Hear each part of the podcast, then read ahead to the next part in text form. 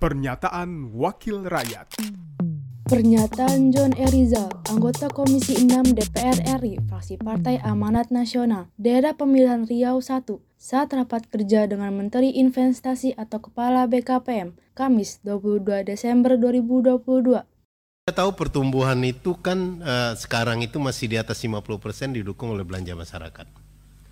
Nah, makanya saya sangat mendorong insentif-insentif yang dilakukan disalurkan ke masyarakat itu mutlak tetap harus ada. Karena ini akan menjaga pertumbuhan kita. Nah, dan saran saya juga kalau bisa itu bentuknya jangan sembako.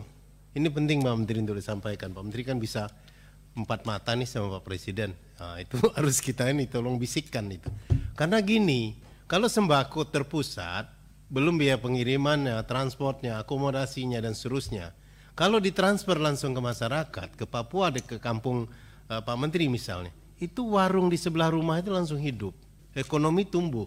Tapi kalau di plot gitu banyak nanti hilang di transportasi dan lain-lain. Nah ini sudah pernah saya sampaikan sebelum-sebelumnya, tapi tetap jalan. Nah ini kalau bisa melalui Pak Menteri ini sampaikan ke uh, Pak Presiden bahwa ke depan itu uh, langsung saja ke masyarakat-masyarakat ini.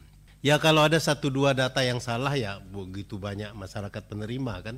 Kalau menurut saya ada ada rasio yang memang deviasinya kita bisa bisa maklumin tentunya dulu. Pernyataan John Erizal, anggota Komisi 6 DPR RI, fraksi Partai Amanat Nasional, daerah pemilihan Riau 1, saat rapat kerja dengan Menteri Investasi atau Kepala BKPM, Kamis 22 Desember 2022. Produksi TV dan Radio Parlemen, Biro Pemberitaan Parlemen, Sejen DPR RI.